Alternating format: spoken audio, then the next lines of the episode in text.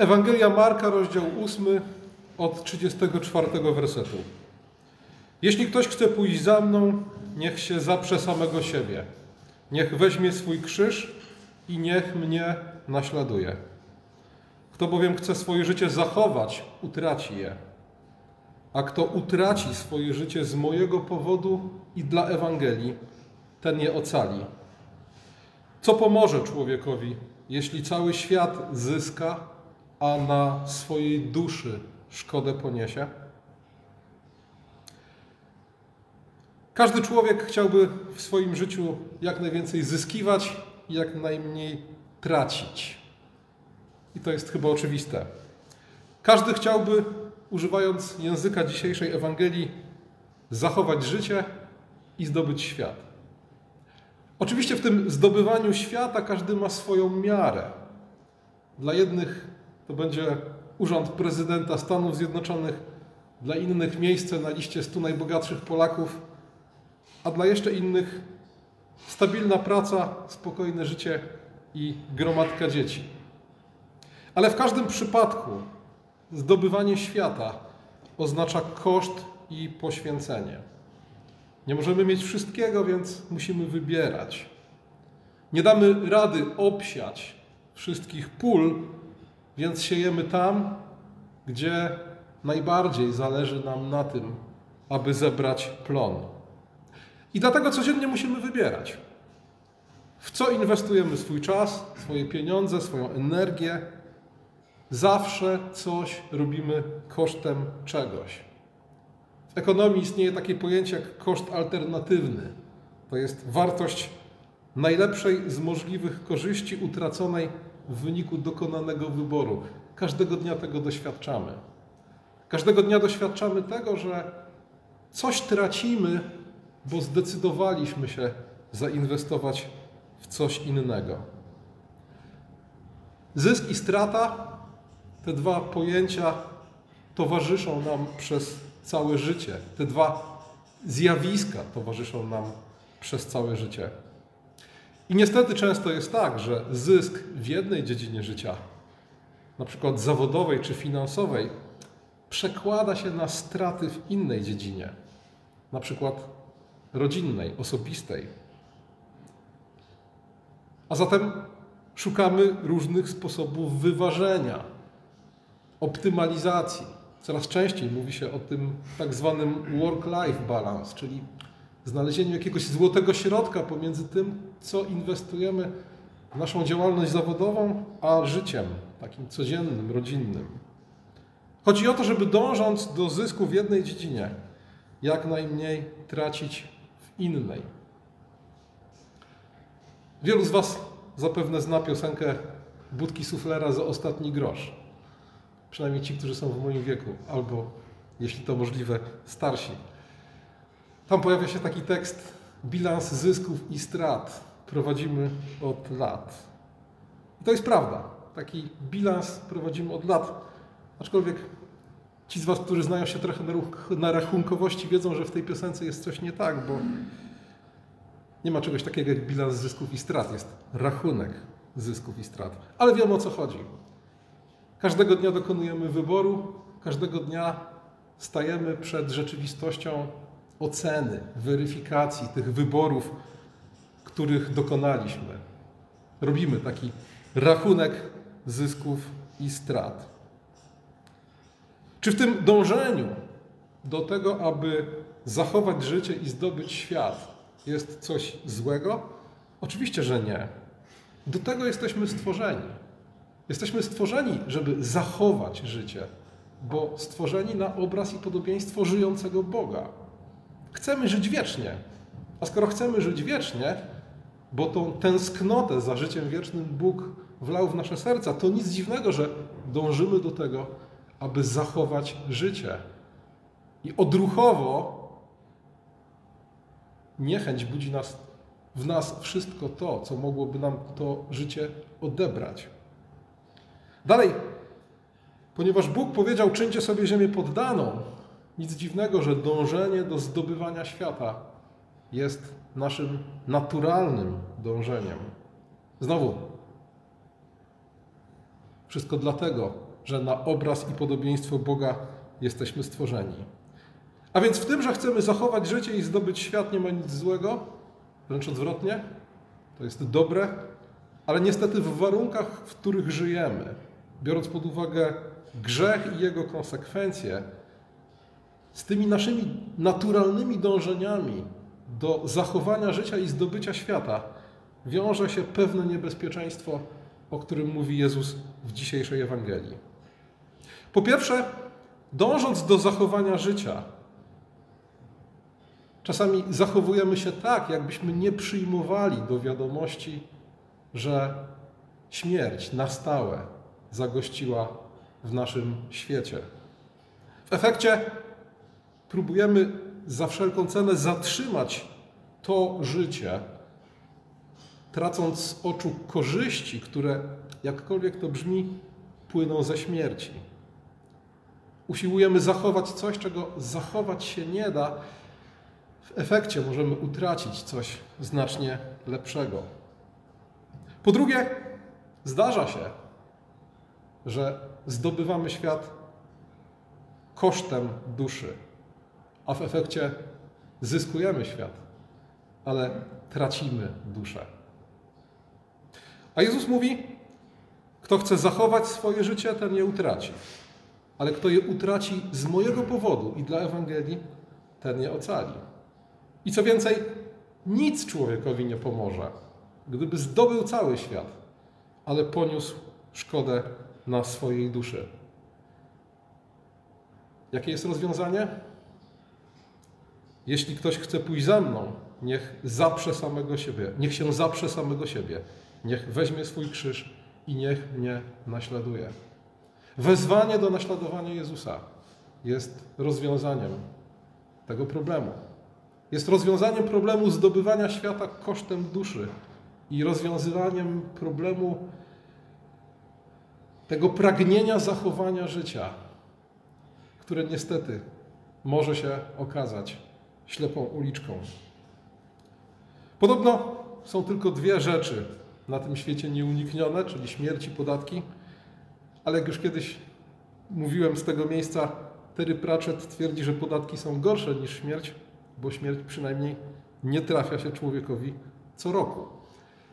Ale jeśli, jeśli rzeczywiście śmierć jest tak nieunikniona, to dążenie do zachowania życia za wszelką cenę, nie przyjmując do wiadomości, że śmierć na stałe zagościła w naszym świecie, jest szaleństwem. Jeśli śmierć jest rzeczywiście czymś nieuniknionym, to warto się jej przyjrzeć, a nawet w jakimś sensie z nią zaprzyjaźnić. Tego, co nieuniknione, nie możemy uniknąć. I tak jak nie możemy uniknąć podatków, więc warto zainteresować się, jakie podatki powinienem płacić. Dokładnie tak samo, skoro nie mogę uniknąć śmierci, może warto się zainteresować, co śmierć ma dla mnie. To chyba Trocki mówił, że możesz nie interesować się wojną, ale wojna wkrótce zainteresuje się tobą. Możesz nie interesować się śmiercią albo podatkami, ale śmierć i urząd skarbowy zainteresują się tobą. Dzisiaj bardzo widoczna jest w kulturze tendencja do unikania śmierci. Widzimy to w tym powszechnym kulcie wiecznej młodości i chirurgii plastycznej. Ale to jest też ślepa uliczka, bo kto za wszelką cenę chce zachować życie, ten je straci. I oczywiście nasza niechęć do śmierci ma swoje racjonalne podstawy, bo śmierć taka, jaką znamy, przyszła na świat przez grzech, jak mówi apostoł Paweł w liście do Rzymian w piątym rozdziale w dwunastym wersecie. Co więcej, Jakub nazywa ją dojrzałym owocem grzechu, bo grzech, kiedy dojrzeje, rodzi śmierć. Śmierć jest wrogiem, jak mówi apostoł Paweł w pierwszym liście do Koryntian, w 15 rozdziale, w 25 wersecie. I to tym wrogiem, który zostanie pokonany jako ostatni. A więc znowu, w naszej niechęci do śmierci nie ma nic złego. I co więcej, kiedy patrzymy na Jezusa w ogrójcu, widzimy strach przed śmiercią i niechęć do śmierci u tego, który jest doskonały. A jednak apostoł Paweł w liście do Filipian w pierwszym rozdziale, 21 wersecie mówi, że śmierć to zysk. Dlaczego? Dlatego, że śmierć jest wybawieniem od tego życia, w którym żyjemy teraz i bramą do życia nowego. Oczywiście to życie nasze, tu i teraz, ono nie wydaje się takie złe. Rzadko myślimy, rzadko tęsknimy za wybawieniem od tego życia. Zwłaszcza jeśli jesteśmy młodzi, zdrowi i nie mamy większych problemów niż słaby internet podczas nauczania zdalnego. Ale jeśli patrzymy na historię Kościoła i na wielu świętych, którzy znajdowali się w ekstremalnych sytuacjach, to oni rzeczywiście modlili się o śmierć jako wybawienie. Co więcej, w obiektywnych kategoriach, przy wszystkich urokach tego życia tu na Ziemi, urokach, którymi powinniśmy się cieszyć, z których powinniśmy korzystać, to jednak obiektywnie rzecz biorąc, to życie, do którego bramą jest śmierć, wierzymy, że jest czymś znacznie, znacznie, bez najmniejszego porównania, lepszym i doskonalszym. A dopóki trwa to życie, nie jesteśmy w stanie zakosztować w całej pełni tego nowego, zmartwychwstałego życia. Kosztujemy go odrobinę, żyjąc tu na ziemi w Chrystusie. Ale całej pełni skosztujemy dopiero wtedy, kiedy tą bramę przekroczymy. I dlatego Jezus mówi, że nie jest rozsądną rzeczą walczyć o zachowanie życia tego tu na ziemi, tak jak byłoby to możliwe i tak jak byłoby to dla nas pożyteczne, bo ani możliwe, ani pożyteczne nie jest. Tak czy inaczej, śmierć nadejdzie. Życie stracimy. To życie. A Jezus mówi: Kto straci życie z mojego powodu, kto umrze dla Ewangelii, ten tak naprawdę je zachowa. Ten tak naprawdę je ochroni.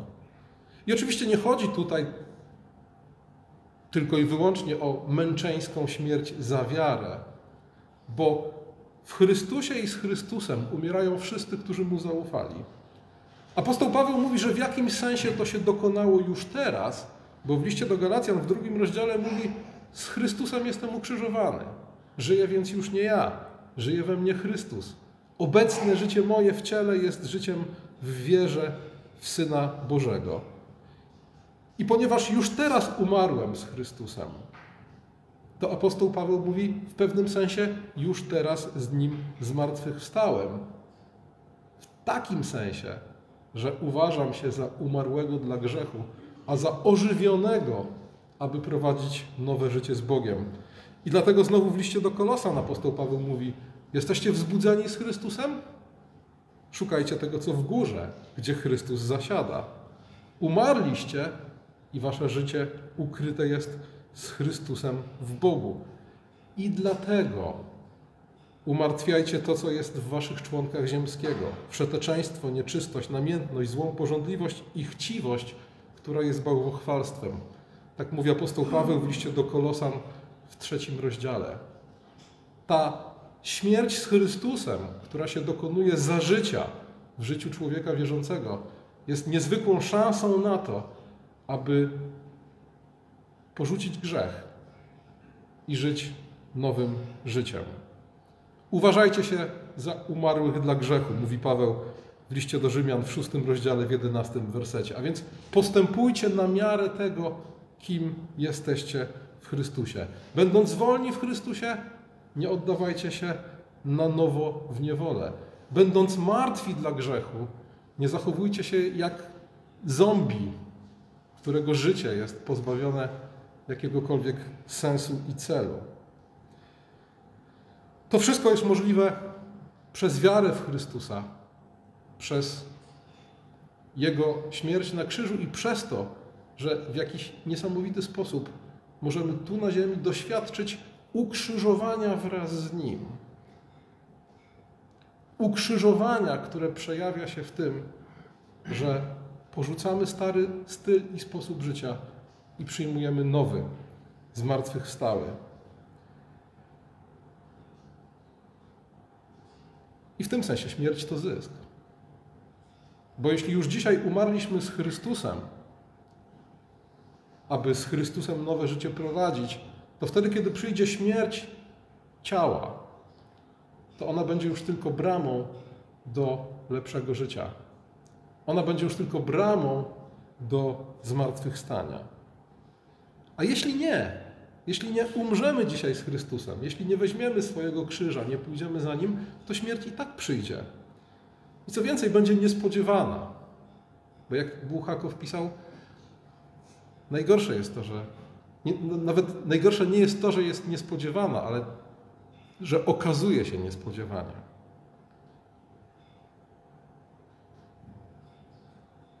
I jeśli śmierć przyjdzie, a ja nie umarłem wcześniej z Chrystusem, to wtedy śmierć nie jest żadnym zyskiem, jest stratą, a nawet więcej, jest tak naprawdę realizacją tych strat wszystkich, które narastały przez całe moje życie. Tych strat, które narastały przez to, że zdobywałem świat kosztem duszy. Ta strata, która całe życie narastała, jest o tyle zdradliwa, że być może w ogóle jej nie dostrzegałem, bo żyłem w świecie pozorów, w którym inne zyski, zdobywanie świata, widoczne zyski rekompensowały mi niewidoczne straty na duszy.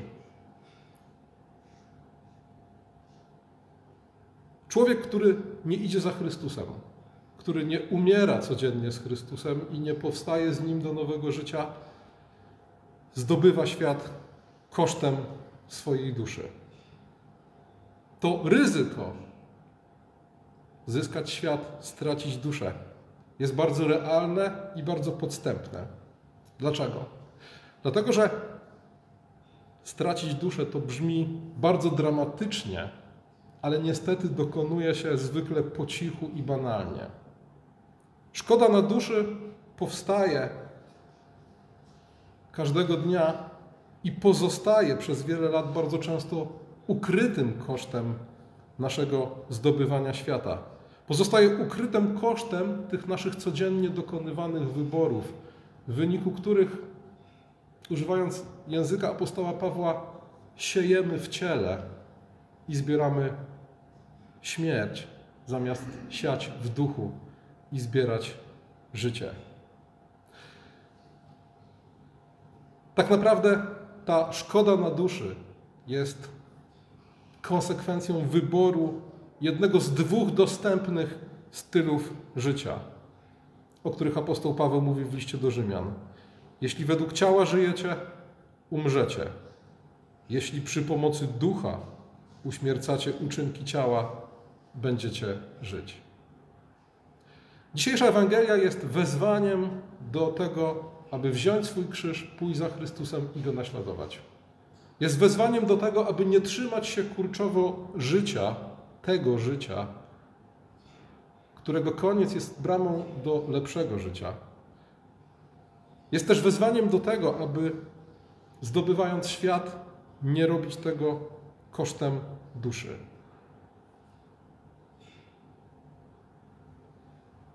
Czym jest pójście za Chrystusem? Czym jest zaparcie się siebie? Czym jest krzyż? Kiedy Jezus mówi, abyśmy Go naśladowali, nie ma na myśli tego, że każdy z nas przejdzie dokładnie tę samą drogę, co On. Ma na myśli raczej to, że każdy z nas przejdzie tę drogę, którą Bóg dla niego przygotował, położywszy ufność w Bogu.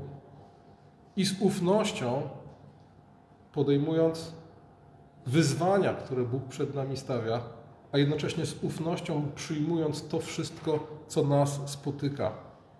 Bardzo często to pojęcie nieść swój krzyż jest tak potocznie interpretowane jako różnego rodzaju przykrości i cierpienia, które nas w życiu spotykają. A tu nie do końca o to chodzi, moi drodzy. Oczywiście krzyż zwykle nie jest szczególnie sympatycznym doświadczeniem. Ale nie każdy krzyż to cierpienie, a nie każde cierpienie to krzyż. Bo kiedy Jezus mówi o tym, żeby wziąć krzyż i go naśladować, żeby stracić swoje życie, to ma na myśli utratę życia dla Niego i Ewangelii. A więc krótko mówiąc, ma na myśli wszystko to, co będzie wyzwaniem na naszej drodze za Chrystusem. Wszystko to, co będzie wyzwaniem na naszej drodze, na której mamy codziennie umierać dla grzechu i powstawać do nowego życia. Na której mamy być z Chrystusem ukrzyżowani, z Chrystusem wzbudzeni do nowego życia i prowadzić nowe życie, które jest życiem w wierze w Syna Bożego. I moi drodzy, tak naprawdę,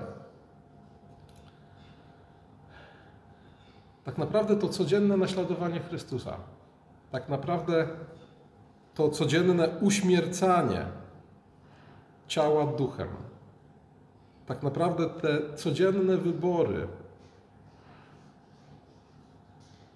one są najlepszym testem na obecność żywej wiary w naszym życiu. Jeśli w moim życiu obecna jest żywa wiara, idę za Chrystusem. Nie zdobywam świata kosztem duszy. W książce, którą e, bardzo serdecznie polecam, którą polecałem ostatnio studentom, bo za tydzień będziemy o niej mówić na spotkaniu studenckim, opcja Benedykta. Tam pojawia się takie. Tam jest rozdział, w którym autor szuka korzeni współczesnego kryzysu wiary. I wychodzi od tego, jak wyglądał świat średniowieczny, dochodząc do tego, jak wygląda świat współczesny. I o świecie średniowiecznym autor pisze, że był zaludniony przez ludzi, których moglibyśmy nazwać religijnymi, a ich religijność polegała na tym, że rodzili się po to, aby być zbawieni. W tym sensie, że człowiek, który w tamtej kulturze przychodził na świat i zdobywał wychowanie, w taki sposób był w świat wprowadzany. Jego życie przedstawiano mu jako drogę do nieba. Urodziłeś się, aby być zbawionym. I w zasadzie to oznacza, że całe Twoje życie temu powinno być podporządkowane. I oczywiście nie chodzi tu o jakąś idealizację średniowiecza. Nie chodzi tu o to, że ludzie rzeczywiście w ten sposób masowo i wszyscy żyli. Nie. Bardziej chodzi o pewien kulturowy wzorzec. Człowiek w tamtej epoce rodził się, aby być zbawionym. Współczesny człowiek, jak pisze autor opcji Benedykta, rodzi się, aby być zadowolonym. Cała kultura, cały, całe wychowanie, wszystko, cały kontekst, w którym żyjemy, przekonuje nas po to, przekonuje nas o tym, że urodziliśmy się, aby się samo zrealizować, aby na końcu tego wszystkiego, co robimy, znaleźć zadowolenie. Oprócz zadowolenia jest jeszcze bezpieczeństwo, zdrowie i ogólne, ogólnie pojęte spełnienie i zadowolenie. Jaka jest różnica pomiędzy tymi dwoma podejściami? Jaka jest różnica między tymi dwoma modelami? No, to jest właśnie mniej więcej to, o czym dzisiaj mówimy. Jakim kosztem będziesz zdobywał świat? Człowiek, który rodzi się po to, aby być zadowolonym, zdobywa świat kosztem duszy.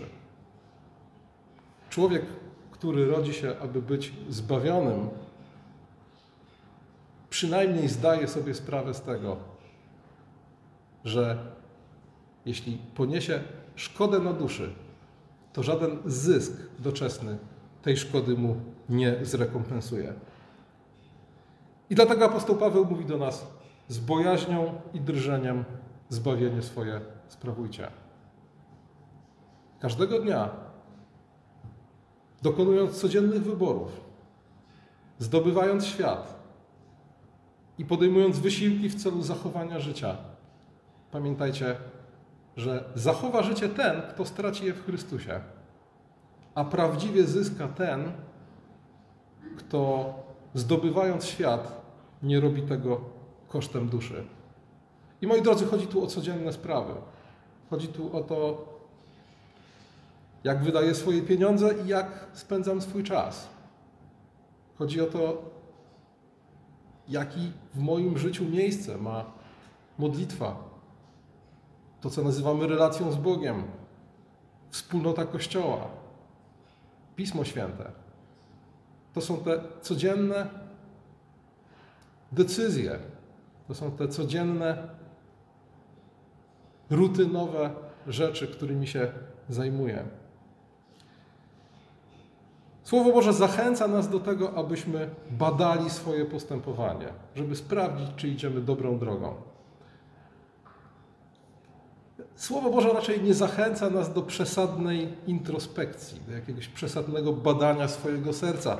A to dlatego, że nie jesteśmy do tego zbyt dobrze wyposażeni i bardzo łatwo tutaj błądzimy. Słowo Boże mówi raczej, że to Bóg bada serca, a my mamy badać swoje postępowanie. I dlatego, jeśli słyszymy w Ewangelii wezwanie do naśladowania Chrystusa, to to jest dobry moment, żeby rzucić okiem wstecz na ostatni tydzień, na ostatni miesiąc i zadać sobie pytanie, ile w moim codziennym życiu jest naśladowania Chrystusa, a ile jest zdobywania świata kosztem duszy. Ile jest rozpaczliwych wysiłków zmierzających do zachowania tego życia, a ile jest umierania z Chrystusem. Bez naśladowania Chrystusa nie ma chrześcijaństwa i Ewangelii.